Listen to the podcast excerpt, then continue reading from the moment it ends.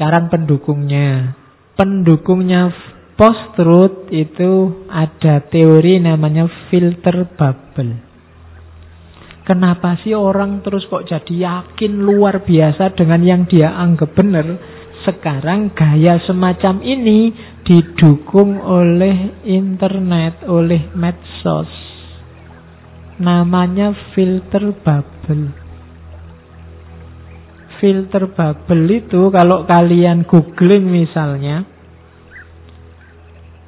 tema apa yang kamu cari, yang paling sering kamu cari, itulah nanti yang paling banyak ditawarkan oleh Google. Kalau kamu misalnya anti komunisme, maka begitu kamu ngentri anti komunisme, besok kamu buka Google saja, ditawari banyak situs yang lain tentang anti komunisme. Akhirnya apa? Kamu hanya percaya bahwa kebenaran itu ya versimu yang anti komunis ini tadi. Atau sebaliknya, pro komunisme. Kamu juga ditawari yang komunis-komunis. Jadi itu namanya filter bubble. Bubble itu kayak kalau kamu niup balon terus nah filter bubble itu kamu difilter oleh balon-balonnya internet. Google dan kawan-kawan. Sekarang mesin pencari itu kan banyak macam-macam. YouTube juga begitu. Coba ya kamu buka oh YouTube apalah satu aja tema, misalnya tema dagelan apa gitu. Besok kamu buka YouTube lagi yang ditawarkan di awal ya dagelan dan kawan-kawan itu tadi. Itu namanya filter bubble. Nah, kalau urusan keyakinan tadi belief dan kebenaran, ketika kamu pro pada satu kepercayaan kebenaran tertentu, ya kamu nanti oleh internet ditawari kebenaran itu terus. Hasilnya apa? Auto indoktrinasi. Jadi itu kayak kamu mendoktrin dirimu sendiri. Oh, ini luar biasa. Sekarang kan banyak orang pakai auto. Nah ini auto indoktrinasi. Ngaji filsafat itu auto ngantuk. Kalau urusan apa lagi gitu. Sekarang kan apa-apa sekarang pakai auto. Oke. Nah, filter bubble itu auto indoktrinasi. Karena ditawari itu ya kamu klik karena Google ini cerdas, kok kamu bolak-balik nyari tema itu, ditawari tema itu terus. Dan akhirnya yang kamu baca juga tema itu terus. Dan yang ditawarkan padamu itu biasanya yang juga sudah terkenal dicari orang lain. Berarti menarik. Yang ditawarkan oleh internet terus mesti kamu klik karena pasti itu menarik. Karena internet tahu mana yang banyak dicari orang. Dan itu yang ditawarkan di awal. Akhirnya apa? Isi kepalamu, caramu hidup, mana benar, mana tidak benar, disetir oleh ini tadi. Efeknya apa? Seolah-olah wawasanmu luas dengan internet, tapi sebenarnya kamu tambah sempit. Semakin tidak peka terhadap pikiran yang berbeda dengan dirimu karena selama ini kamu dijejali terus dengan yang versimu. Yang versi yang lain tidak. Semakin tidak toleran. Jadi kalau orang merasa, "Oh, Pak, Google itu, Pak, maha tahu, bikulli syai'in alim," misalnya. Apa-apa ngerti, tapi untuk kasus dirimu sebenarnya dia tidak menampilkan maha taunya tapi dia melayani seleramu. Kebenaran yang sudah kamu yakini sehingga justru lama-lama kamu jadi semakin keras. Kamu terdoktrin oleh kebenaran yang sejak semula kamu yakini semakin susah kamu keluar dari situ karena kamu semakin merasa yakin benar karena kamu ditambahi argumen terus ditambahi dasar terus ditambahi data terus oleh Google untuk mendukung yang hari ini kamu anggap benar. Jadi selama ini kamu anggap bahwa apa saja ada menguntungkan tapi di titik tertentu dia sebenarnya menjebakmu, mendoktrinmu. Yang didoktrinkan apa? Ideologi yang kamu anggap pasti benar tadi. Nah, itu namanya auto indoktrinasi. Itulah pendukungnya post-truth kalau kamu benci calon A, itu kan kamu cari berita yang menjelek-jelekkan calon A dan kamu asik sekali di situ. Besok oleh Google ditawari lagi. Ada loh yang menjelekkan lebih sadis dari kamu. Ada lagi, ada lagi. Ya kan? Kalau Twitter itu kan yang terjadi dengan hashtag. Hashtag itu kan begitu kamu hashtag apa, itu yang ditawari ya gitu-gitu terus. Yang setema, sejalur. Ya, sekarang kan yang ada IG. IG itu paling sadis kalau mencela orang. Di bawah itu mungkin Twitter. Saya tidak tahu Twitter sama Facebook itu kelihatannya ya tanding aja. Kalau urusan caci makinya, saya kelihatannya paling ganas sekarang ya Instagram menurut saya. Saya tidak tahu kalau menurutmu. Ini saya tidak punya akun ya, bolak-balik ada yang tanya akun Instagram. Aku randu. Oke, khawatirnya nanti ada akunnya terus kamu follow ternyata aku tidak pernah posting apa-apa. Itu kan kamu kecewa. Iya. Mending tidak ada lah sekalian. Oke. Karena kadang-kadang Coba kamu perhatikan orang yang tawuran itu ya. Itu kan tawuran ini medsos Naik ketemu ya cengenges-cengenges Tidak tawuran lagi Mungkin memang hubungan antar manusia itu lebih Efektif kalau kita Face to face intensif Orang yang tidak ngerti, tidak tidak beredar di antara kita, nggak ngerti ngaji filsafat, bisa maki-maki filsafat. Tapi kalau datang ke sini mungkin ketawa-ketawa bareng kalau bareng. Karena mereka ngertinya cuma dari medsos, tidak pernah face to face. Temenmu yang misalnya kamu gegeran sama temenmu di WA saja. Nanti kalau ketemu kan nggak sesadis waktu di WA. Ketemu ya senyum-senyum, ketawa-ketawa, sudah kayak tidak ada apa-apa. Kadang-kadang yang makinya paling keras di dunia nyata itu dia paling ya paling culun, paling cupu. Tapi begitu pegang HP, sadisnya luar biasa. Ada yang kayak gitu. Maka semoga HP dan teknologi informasi tidak mematikan hubungan yang personal kita. Lu seenak-enaknya guyon itu kan ya enak yang face to face. Dagelan yang kamu posting itu kan cuma copy paste dari mana-mana kamu share terus. Nggak, nggak terlalu bikin ketawa Tapi kalau bareng-bareng gini Nggak lucu aja bisa bikin ketawa Kalau kamu share lewat WA Lewat IG Lewat Facebook itu ya kadang-kadang Lucu itu sudah temenmu jawabnya manggeli Wes tahu mungkin gitu Ya Sini capek-capek bikin dagelan ala wes tahu Itu nggak enak Lebih intens kalau ketemu Biar kelihatan aslinya Wong Jokowi sama Prabowo aja kan tadi sudah rangkul-rangkulan. Gara-gara pencak silat ya bisa rangkul-rangkulan. Janjane ya ndak ada apa. Kalau ketemu ya ndak ada apa-apa. Mungkin ya tim sukses A sama tim sukses B kalau ketemu mungkin ndak ada apa-apa. Tapi begitu terjun ke dunia maya jadi ganas luar biasa. Oke, apalagi ditabui sama media. Media itu kan bagian ngegongi aja. Dipilih terus di itu yang sering jadi masalah. Oke, kita lihat kenapa post-truth itu kok laku ya. Kok sekarang jadi tren. Yang pertama, karakter manusia. Kita itu seneng kalau ada teori baru, argumen baru, data baru, fakta baru, kok ya cocok sama pandangan yang kita yakini benar. Itu manusiawi sekali. Itulah yang bikin meskipun itu bohong, tapi kok cocok sama yang kita yakini benar, ya kita terima. Karena memang kita punya karakter yang mendukung kebenaran yang kita yakini itu kita terima. Kalau kita sudah punya kebenaran A, ada teori baru yang teori ini sebenarnya palsu, tapi kok ya cocok sama kebenaran A. Biasanya teori ini cenderung kita terima. Dan itu karakter manusiawi. Gitu. Meskipun itu bohong. Misalnya ya kamu merasa jadi cowok aku itu janjane ganteng loh ya. Tapi ya nggak terlalu gitulah biasa-biasa. Terus kok ada temenmu bilang, "Sampean kok sekarang ganteng, Mas?" Meskipun itu basa-basi, tapi kan kamu terima kamu, oh, iya deh, janjane aku yang ganteng mungkin. Nah itu itu manusiawi. Manusiawi. Orang itu suka kalau kebenarannya didukung meskipun dengan cara yang palsu dan bohong.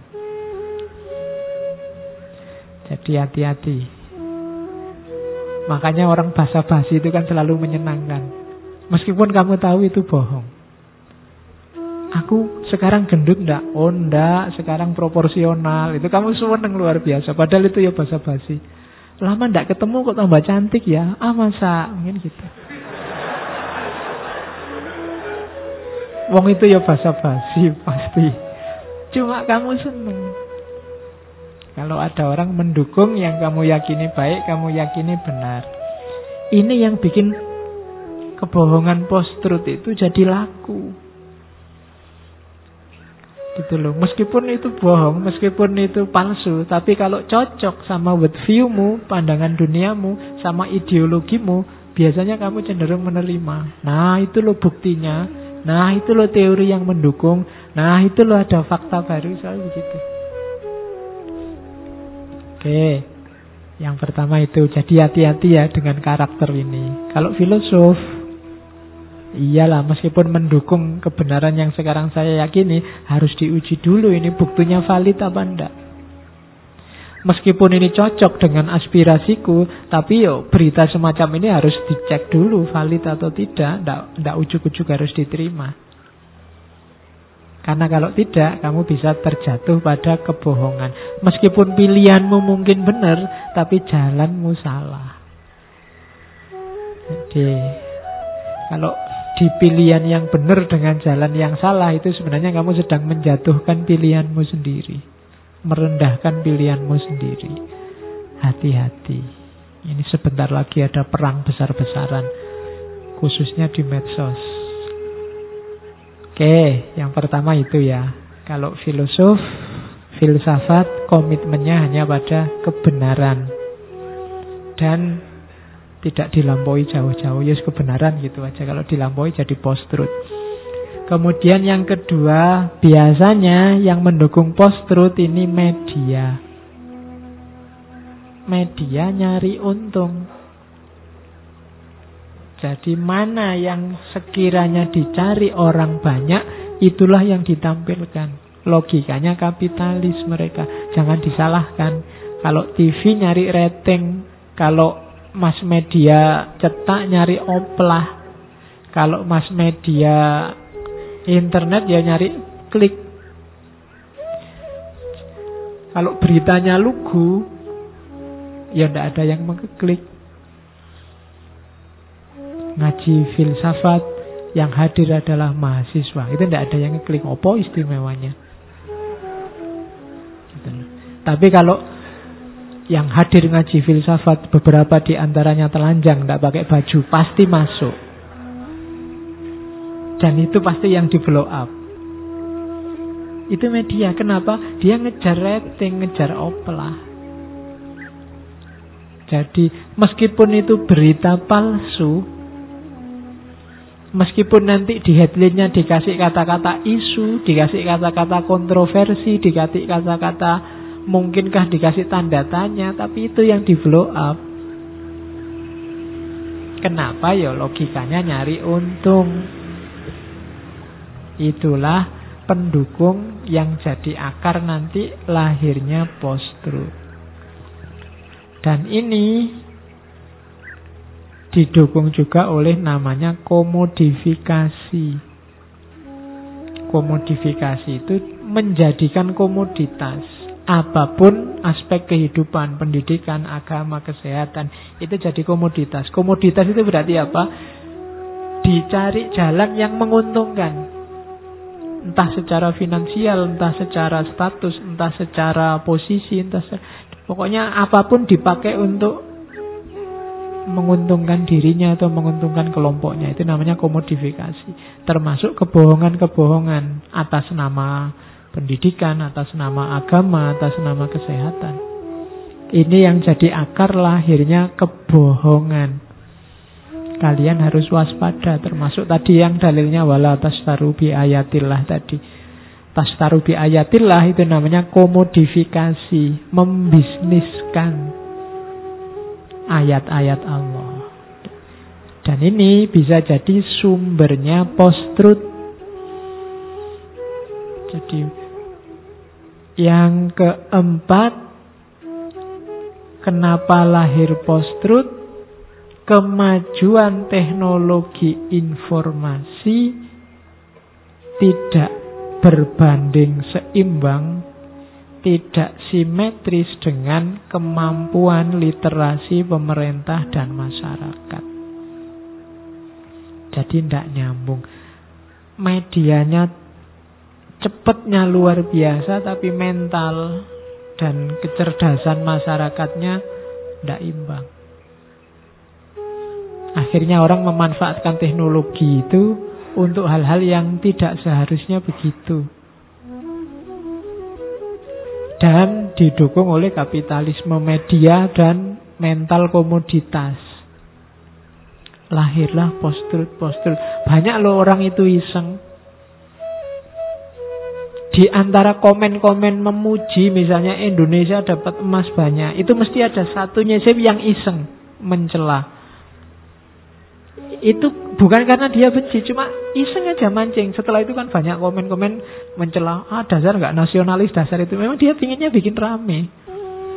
Dan kamu terjebak dengan itu, ngono loh kok yo buat tanggepi. Wong itu memang sengaja iseng mancing mancing perkara aja. Allah kok komentar semua seragam. Mancing perkara dek, dek komentar yang jelek-jelek. Dan kamu panas terus mau komentari semuanya jadi begitu ada satu komentar jelek, di bawahnya ngomentari komentar jelek itu bisa ratusan.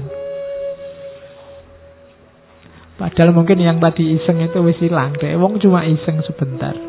Atau nanti dia bikin rusuh di postingan yang lain. Ya memang ada yang sengaja gitu. Nggak enak kalau sepi dia pokoknya senengannya bikin gitu.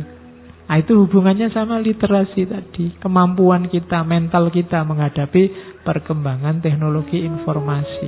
Ini PR bersama. Terus, ya ada kenapa orang sampai menerima kebohongan, mendaya gunakan kebohongan untuk kepentingannya biasanya karena pragmatisme, tujuan jangka pendek, orientasi hasil sekarang. Alah bohong-bohong dikit tidak apa-apa, yang penting menang kita. Curang-curang dikit tidak apa-apa, yang penting cepat lulus. Nah, itu namanya pragmatis. Jadi ini juga jadi sumber post-truth. Terus yang jadi akarnya post-truth lagi karakter masyarakat yang kalau kemarin bahasanya Brodiat di ekstasi komunikasi, epilepsi, suka yang wow. Coba masyarakat itu tidak kagetan, tidak gumunan, tidak suka yang wow, itu mungkin bisa diminimalisir kebohongan-kebohongan itu. Kalau masyarakatnya cerdas, ada berita apa pun, ah masa iya, coba dibuktikan dulu, ah masa iya, nyari dasarnya dulu. Kalau kayak gini, sekarang kan tidak masyarakat itu wow, begitu ada berita wow kan di share cepet-cepet share aminkan, kemudian share. Ya. Jadi ayo kita masyarakat epilepsi. Kalau sudah selesai posting, anggap selesai. Nanti ada kejutan lagi, kamu share lagi. Nyari kejutan demi kejutan. Itu makanya namanya masyarakat epilepsi. Kita itu gampang kaget. Nah, itu situasi juga di masyarakat epilepsi berita-berita bohong yang wow mesti lebih cepat tersebarnya. Dan yang terakhir populisme dalam politik praktis. Populisme itu to some extent sampai level tertentu ya bagus. Populisme itu kan menomorsatukan populasi masyarakat. Cuma kadang-kadang ini levelnya hanya retorika demi rakyat, membela umat. Nah ini logika-logika populisme namanya. Kalau hanya retorika, ya sebenarnya nggak nggak pertama-tama demi rakyat demi masyarakat, ya demi dirinya sendiri. Wong itu cuma retorika. Logika populisme ini yang kemudian bikin orang right or wrong my kelompok, kelompokku pokoknya ngapus-ngapusi sidik tidak apa-apa yang penting rakyat sejahtera Nah, itu namanya populisme yang hanya retorika.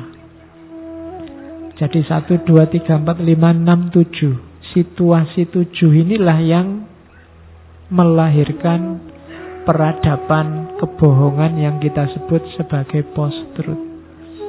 Gaya inilah yang bikin Donald Trump yang semacam itu bisa jadi presiden.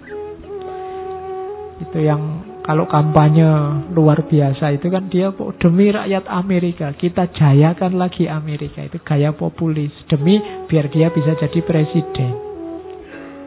Nah, itu populisme sebagai retorika. Kita harus hati-hati jangan terjebak di situ. Nah, sekarang cara membuat post-truth. Kamu tak ajari ya biar bisa bohong. Yang membentuk post-truth itu apa? Sebenarnya cuma tiga. Framing, signing, sama priming. Framing itu kalau ada peristiwa apa pun, frame lah. Sesuai kepentinganmu. Cari yang, kalau kamu suka, cari yang baik-baik. Terus kamu ambil terus signing, signing itu pemilihan tanda. Setelah itu priming kamu tonjolkan. Ngaji ini bisa kelihatan penting luar biasa. Pilih yang bagus-bagus, ambil simbol-simbol yang cocok, terus tonjolkan. Priming. Sudah, cuma itu caranya untuk bohong. Jadi kamu bikin headline, kamu cari simbol yang pas, setelah itu kamu kerangkai secara pas. Itu namanya framing, signing, priming. Jadi ngaji ini kan variabelnya banyak, unsurnya macam-macam. Nah misalnya, eh, biar tidak kelihatan kalau masjidnya kosong, yang disuting bagian sana saja, itu namanya framing.